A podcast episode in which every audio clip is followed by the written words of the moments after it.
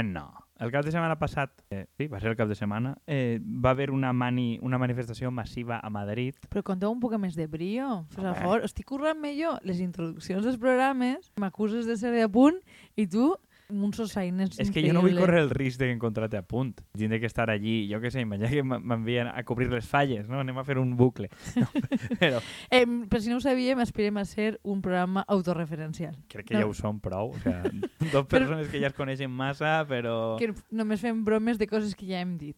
Pues la ja història està. de la nostra vida, però bueno. Ja eh, està, seríem com, seríem com una sitcom espanyola o qualsevol programa espanyol o X. Bueno, que va haver una mani dels problemes del camp a Madrid, etc que era de d'agricultors, els taurinos, els caçadors, els transportistes... I bueno, la- la resposta majoritària del món de l'esquerra ha sigut pues, burlar-se de que van vestits de look de caçador del Corte Inglés a cavall i companyia, que fa molta risa. És com Te recordes quan Vox es presentava al principi que el candidat aquell a Bascar anaven a cavall com si fos en Curro Jiménez i tot el món es va riure i va compartir el vídeo? Doncs pues estem en el mateix. Jiji, jajaja, fatxes, taurinos, jajaja. I, i bueno, És que, bueno, va- van vestits de senyoritos, que és el que aspiren a ser, també. O, Bueno, lo i que, o lo que són ja, molts d'ells. i que és l'estètica tradicional de la dreta espanyola i del wannabe és aspirar a la condició senyorito. Bueno, si no, no, no s'explicaria Bertín Osborne com a categoria, no? Bertín Osborne és un senyorito que és un... Vestino, me- Bertino Soborne ja és una, cante- una categoria en si mateixa, entenc.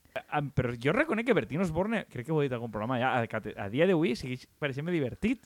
Que és el problema que jo veig a Bertín Osborne en la tele i no puc odiar-lo totalment. Jo veig a Bertino Osborne i, i veig a Montillo, la veritat. Resulta un, un personatge molt familiar. Claro, a mi és que resulta un personatge molt familiar, al que no puc odiar totalment. O sea, que és una persona que dic, hòstia, pues Bertín Osborne, pues la veritat que les seves opinions donen prou asco, però continua pareixent-me divertit i algunes coses que diu, che, dic, em pareix una miqueta entranyable, no? Vull dir, no, no acabes de tallar aquest cordó umbilical. No sé per què estem parlant de Bertín No Osborne. tinc massa Bueno, clar, tampoc, però com hem També he derivat... sentit sempre simpatia perquè tenia seus cassets de ranxeres, que ma abuela té algun disco de ranxeres de Bertín Osborne. Crec que ja ho has contat. Ja ho he contat, però repetiré sempre que Bertín Osborne, a qui no ho sàpia, ha tingut una, una carrera al món de la música. Però bueno, Bertín Osborne és un bon exponent d'això. Vull dir que és un senyor, a més crec que era perquè li havia regalat a David Broncano un cavall de, de la seua, de seus estables o tal, però bueno, aquesta categoria d'aristòcrata molt fatxa, però que sempre acaba fent gràcia en un, un cert perfil social.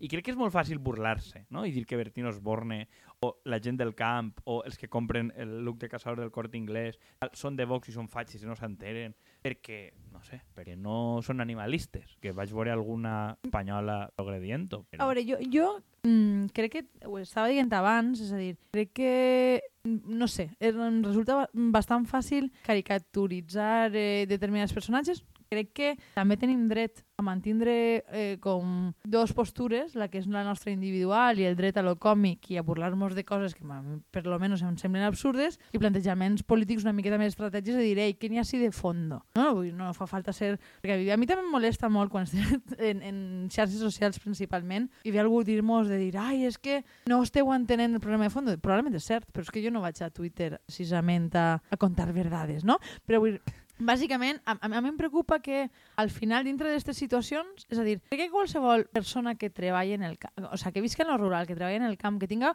qualsevol faena, que no estiga vinculada d'una manera o altra en l'acadèmia o en, o en l'administració, sap que hi ha un problema totxo, hi ha un problema importantíssim. I, i dic, anem a veure, si davant d'este malestar, o si l'única postura que tenim és negar que existeix un problema, és a dir, eh, li llevem ferro, veiem el, el tipus de personatges que ells representat i mos burlem, perquè no són gent en qui puguem generar ponts o que consideren que siguin de la nostra corda o que tinguin un perfil que mos resulten mínimament identificables. No? A nosaltres que, per exemple, no deixem de ser també esquerra urbana, encara que tinguem molta més vinculació en altres realitats, doncs al final vivim on, on vivim. Però crec que en aquest sentit estem prou més oberts. Però a mi, eh, honestament, tinc la sensació si hi ha un debat de fons de qui es deixa enrere, quin tipus de persones van a perdre la seva faena o, van a, o que desenvolupen inclús fa, faenes prou útils que no tenen continuïtat a futur si no canvien les coses. I crec que és un tema prou xungo com, com ho va ser lo dels de el, els eh, chalecos eh, grocs en, en França. Que, dir que, que també va haver moltíssima gent, especialment des de sí, eh? més, jo crec que més que dintre de la pròpia França, lectures de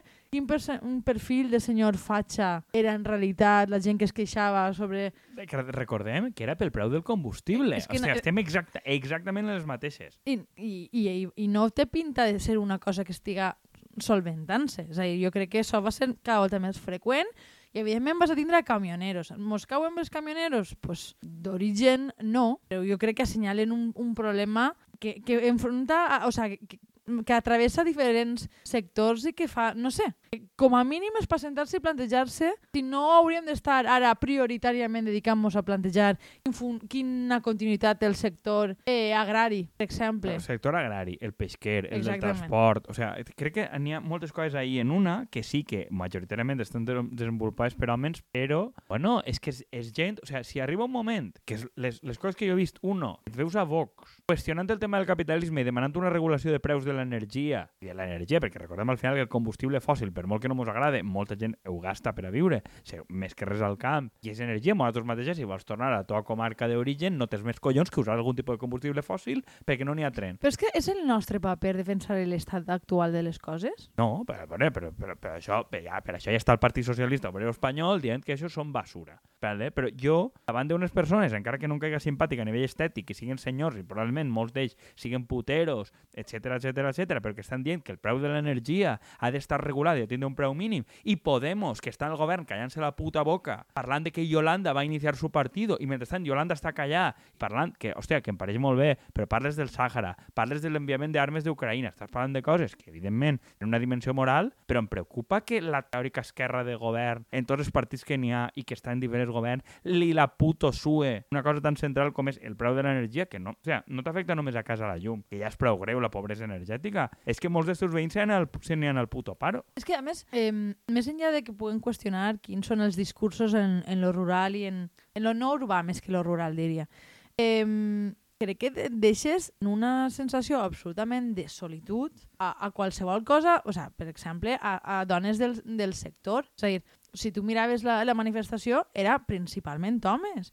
La qüestió és, realment, aquestes persones simplement s'han incorporat a la vida urbana i han abandonat el camp de, de, del tot? O a mi em fa, em fa la sensació de que hi ha un món d'absències ahí de persones que no estan representades, que tenen el mateix tipus de problemes i que no acudiran a determinats tipus de perfils perquè, òbviament, no vols que t'associen en lo, lo xungo que representava en gran part esta... O sea, jo crec jo que hi ha un perfil de, de persona, diguem, més afín o no, però és que tampoc tinc clar que això va ja d'esquerres o dretes, és a dir, en termes de qui es defineix com a tal jo crec que la, moltes de la categoria no és útil i crec que ja vam parlar un dia del tema de Cádiz, no? de, que, de que van sentir la necessitat els treballadors del metal de Cádiz dir no somos ni progres ni fatxes, que ho va dir Andy Lucas també, que a mi em va cridar molt l'atenció, dic, hòstia, ahí n'hi ha algo. I això ho ha tornat a sentir jo el cap de setmana. I, i, i en dies posteriors també s'ha sentit. O sigui, molta gent, evidentment n'hi ha alguns que van a la bandereta d'Espanya i van a tope i sense condó, diguem, però n'hi ha altres que tenen necessitat de dir, escolta, n'hi ha més, n'hi ha molta gent que no ha anat a la mani perquè no sent còmoda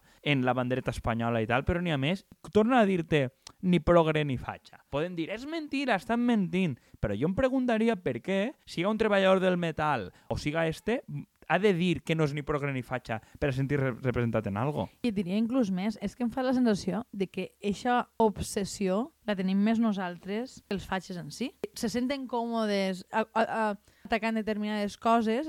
Pues, tornem un poc a, a temes que hem abordat els últims dies, no? Qui va a l'ofensiva? Qui va a la defensiva, no? I, i, i nosaltres eh, a, sembla que, en certa manera, hem acabat refugiant-nos en un discurs identitari que ni té proposta, ni idea de futur, ni capacitat de, de fer ningun tipus de plantejament de millora de vida a gran part de la societat de la nostra societat. No sé, seria, jo crec que com a mínim això és una cosa per a plantejar-se. A mi em sap mal pareixer un poquet com Pardo, no? però vull dir, al mateix temps, qui, qui continua marcant el, el, el d'això de, de Unidas Podemos Companyia, que és el podcast de Pablo Iglesias, del que ja hemos emborrat en alguna ocasió, però el podcast de Pablo Iglesias continua obsessionat en les fake news i, i este tipus de mamonaes que, que sí, que poden tenir un efecte molt concret, però tot el rotllo, per mi són dèries de classe mitjana. No, si dices la verdad, vamos, tal, ja, ja, però és que vull dir, n'hi ha, ha gent al teu voltant que té un problema material i que no és només aquest tipus d'home. Eh, pareix que sigui el, el tòpic, no? No, yo, las mujeres, mi, mi mujer, mi madre, mi hija, todas santas, no? I a lo millor el tipus és un putero i el que vulgui que...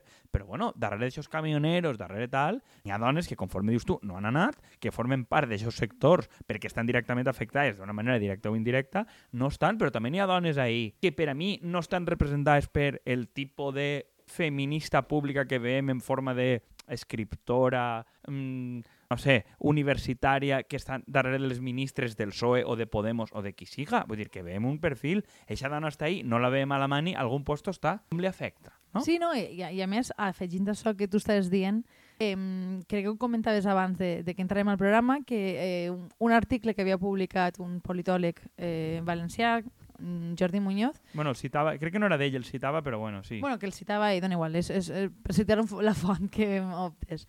Eh, bàsicament dia que, que inclús més que la immigració, allò que fa conservadora una zona, és la immigració, és a dir, quin perfil de persona se sent còmoda en determinats perfils de, de vida i que, que, que no té tants sotracs, no? I, I això ho hem parlat en moltes ocasions, que no, no és qualsevol cosa que especialment siguin dones les que se'n van.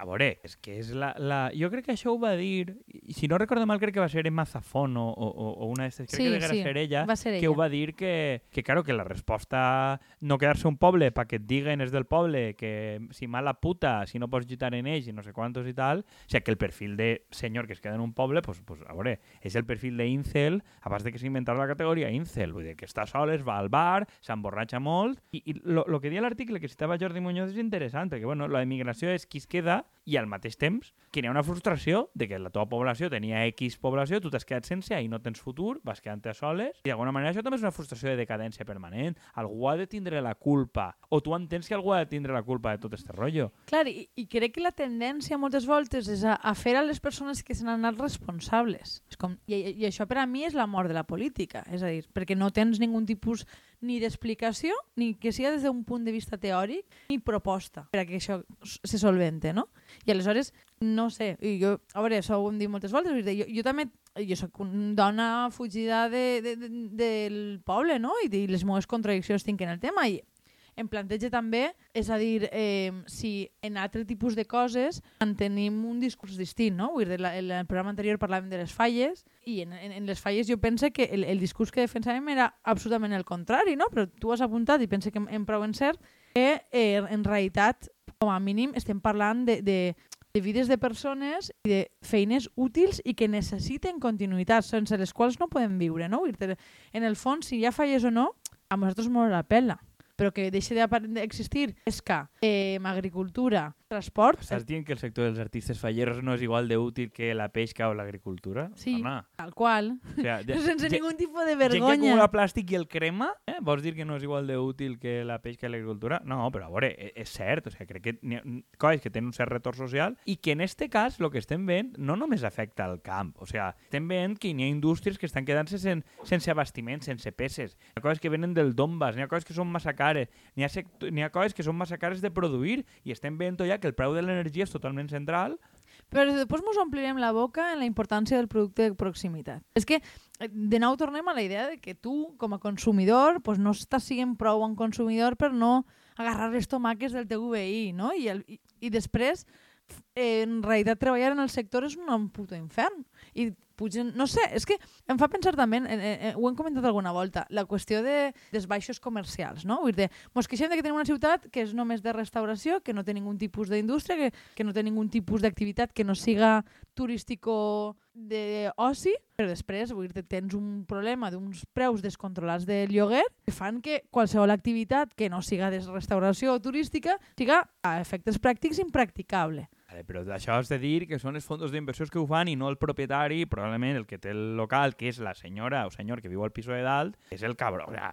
jo què sé, jo els casos que conec concretament, però jo de València no conec tant propietaris o d'altres ciutats. De Xàbia sí que conec el perfil de propietari que té una botigueta i que prefereix tindre tancat el seu local, que ha ha estat orientat a hostaleria i altres coses, si no cobra 3.000 o 5.000 euros al mes. I, i, i sé de gent que prefereix tindre-lo tancat cobrant-ne, o sea, tancat i no cobrant-ne 2.000 si no són 3.000. Perquè diu, no, no, a mi, a mi em va bé. Vull dir que, que de, igual desafien qualsevol lògica econòmica, però aquesta gent existeix. O sigui, darrere de, la, de, de moltes coses de les que passen, a veure, ha per, no només està Juan Roig, probablement també està el teu veí, que és un guanyador absolut de que les coses es degraden al seu voltant, perquè a aquesta persona igual li, li va bé. És una cosa que la nostra com una amiga Nayara diu a voltes, no? de dir, no, el- és que igual el teu enemic és el veí, no, no és, el, el, no és altre. Crec que això obri o sigui, com, com més debats, però pensar que els problemes de degradació només afecten a altres, a més són altres que no t'agraden, perquè estèticament no t'agraden, perquè són cayetanos, perquè són fatxes, doncs bueno, molt d'això en el teu veí, si t'esforces lo suficient de parlar en ells, que el teu veí pot ser un fill de puta,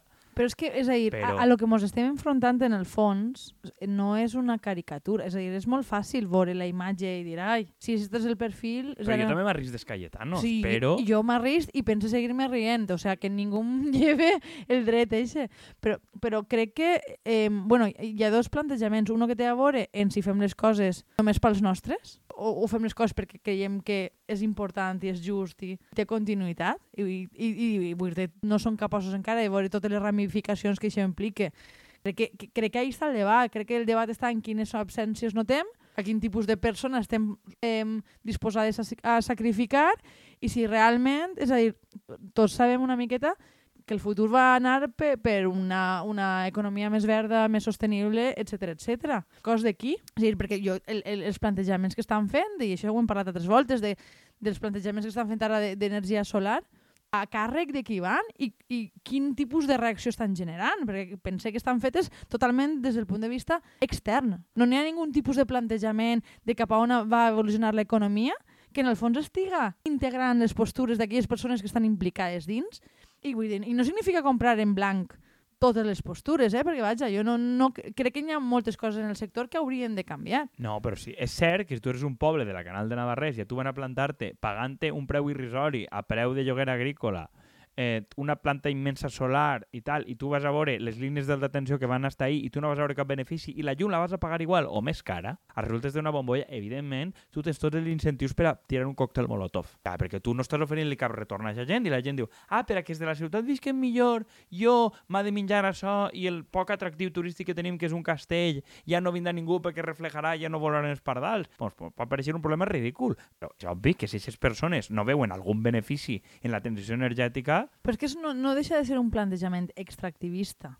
Eh, és una, mi- és, mi- bueno, però és que sempre, és a dir, al final a- no acaba de ser una espècie de dimensió de classe territorial. És a dir, quins, eh, quins territoris estaran eh, servint als altres Ah, i en si- benefici de qui. Però si parlem de transició ecològica, sempre els discursos que veiem és que agarra la bicicleta o agarra menys el cotxe, pues bueno, és, aplica o sea, és aplicable a un tant per cent de gent, està clar, però és que sempre estem adreçant-nos a la gent que viu al centre de Madrid, a Barcelona, al centre de València, que té més o menys aquesta opció i tal, però que- que no dic que no siga cert i que probablement en termes agregatius de CO2 és on més es pot reduir la càrrega. Això, des de luego que sí, però per a gent que viu en una ciutat mitjana no n'hi ha transport públic significatiu, l'autobús a Xàbia o a Dènia passa cada puta hora. O sigui, no mos enganyem, no fa falta anar-se al poble més menut. És impracticable que tu facis vida a un posto d'aixòs. Eh, Sent una ciutat mitjana on hi ha indústria, ni activitat i no n'hi ha pèrdua de població, usant les fórmules de no, eh, agarra la bici i pensa en el medi ambient. Eixa gent fracassarà pedraes, perquè eres un subnormal, que estàs dient. Jo és que eh, crec que això ho, ho hem comentat diverses voltes, jo per lo menos en xarxes sí que és una cosa que he dit moltíssim. Jo porte, porte mesos, porte, eh, crec que és una sensació que vaig començar a tindre en 2021 i que s'ha agreujat principalment en els últims mesos, no? Una sensació de desesperança absoluta, que, que, que es manifesta en pràcticament totes les esferes de vida, no? I eh, l'encariment de, del preu de vida, de recursos, de l'habitatge, de la sensació... Bueno, l'altre dia també va haver un, hasta un tsunami en Japó, la sensació de que el món s'acaba, que no hi ha ni... O sea, no tenim res per lo que sentir il·lusió, i és una cosa que jo trobo a faltar, és una cosa que comente moltíssim, no? Però que la desesperança com, si, com, en què es pot convertir. Jo, a mi em fa molta por qui instrumentalitza aquest sentit de desesperança mentre els altres estan simplement venent que no existeix cap tipus de problema o que el problema és menor quan està afectant la vida directament o indirectament de moltíssimes persones que anirà incremental i el problema és que quan t'afecta a excessiva gent ja no va ser algo controlable. No, però bueno, però estem altra volta en, estem en, en la política mediàtica del PSOE, que és negar els problemes fins que Fins hi hagi eleccions a i a Pedro. Sánchez li vagi bé. El problema és perquè, una volta més, en este programa, perquè tots els que no som el PSOE i vivim del Partit Socialista, estem en lo mateix de negar el problema matant el missatger fins que el problema se mos tira damunt. Estem en la guerra. Està dient Pedro Sánchez que n'ha que augmentar el gasto en defensa. Perdona? És o sea, que, de veritat. O sea, eh, de, de veritat, eh, lo que està dient el PSOE avui és que n'hi ha que augmentar impostos per a pujar gasto en defensa. Pues, pues, pues bueno, jo no em consta eh, eh, que, que n'hi hagi cap, cap, cap campanya on estigui intervenint a Espanya com que ho justifique. Eh, que té que haver retallades en coses que tal, negant el problema damunt burlant-se d'esta penya, que dic, jo puc ser el primer que em burle, però bueno, els avisos. Al final, jo vaig fer un article fa uns mesos de lo que diem abans, de, en plan Cassandra, de dir, cuidao, que els xalecos vindran, perquè tot apuntava energèticament que vindrien, ja estan així. I estem tots els progres en la mateixa lògica del PSOE de no vaig a dir res, millor no, anem a negar el problema. I qui es queixa són uns ridículs i són quatre. I bueno, que igual en guanyen eleccions i l'any que ve n'hi ha eleccions segur. Veurem el susto que es peguen alguns que viuen molt còmodes en el sou de 3.000 euros el cotxe oficial, que molts els coneguem, que van a fer lo possible per negar este problema, perquè com més parles d'este problema, fas més palès que no vas a fer absolutament res. Bueno, sí, el que vol fer eh, Ximo Puig és eh, facilitar que s'instal·len les energies renovables. O sigui, llevar els tràmits administratius per a que sigui més fàcil muntar una macroplanta en un poble. Mm, pues molta sort l'any que ve. Repetim, a cos de qui? Si és que se, estem semblant les mateixes. L'any que ve no vas a veure cap planta muntar i vas tindre molta més. Doncs pues enhorabona, o sigui, molta més penya cabreja, enhorabona. I el que no sé és pues, que està fent compromís o altres o entitats socials de dir, hola, on estem? Jo és que, o sea, no puc deixar de, de tornar a la sensació de, de, de lo que ha sigut l'evolució des de 2015 a ara, no? I, I de com el fet de tindre a gent al nostre voltant que ha, ha tingut accés a, a postures de poder, mm, cada volta hi ha menys gent que tingui la sensació de que ha, ha tingut una, un impacte significatiu en les seues vides. I, i com això acabarà sent un cost social, o sigui, no, econòmic, mm, so, econòmic respecte a la vida de les persones, pensar, però social i polític. I a, aquí, aquí acabarà captivant aquesta gent que, Bueno, però, que no té ningú que, que bàsicament diga això és una putíssima merda, no estem disposats a, a aguantar-ho més. Claro, però és que almenys quan el PPC va rebaixar n'hi havia algú davant. Ara n'hi ha un silenci absolut de sindicats, de tot. O sigui, no n'hi ha ningú davant d'este de, de, de, de tipus de revolta o el que siga fent-se. No n'hi ha ningú davant eh, estiga dient, escolta, n'hi ha una alternativa moral, això està mal. No, perquè estan tots comprats o, o treballant en un lloc públic directament. I crec que la desesperança que genera això en la, en la població, que crec que sent desatesa i òrfena, la veurem, però crec que això, que pareix fatxa dir-ho, però crec que les eleccions n'hi haurà sustos. Crec que, que el, el susto l'acabem de veure començar. Crec que Mm. queda moltíssima evolució al respecte. Així que... pues bueno, avui comença, crec que no serà l'últim dia que parlem d'això, desgraciadament. No, Vinga, adeu, adeu. Adeu. mos deixem amb molta esperança.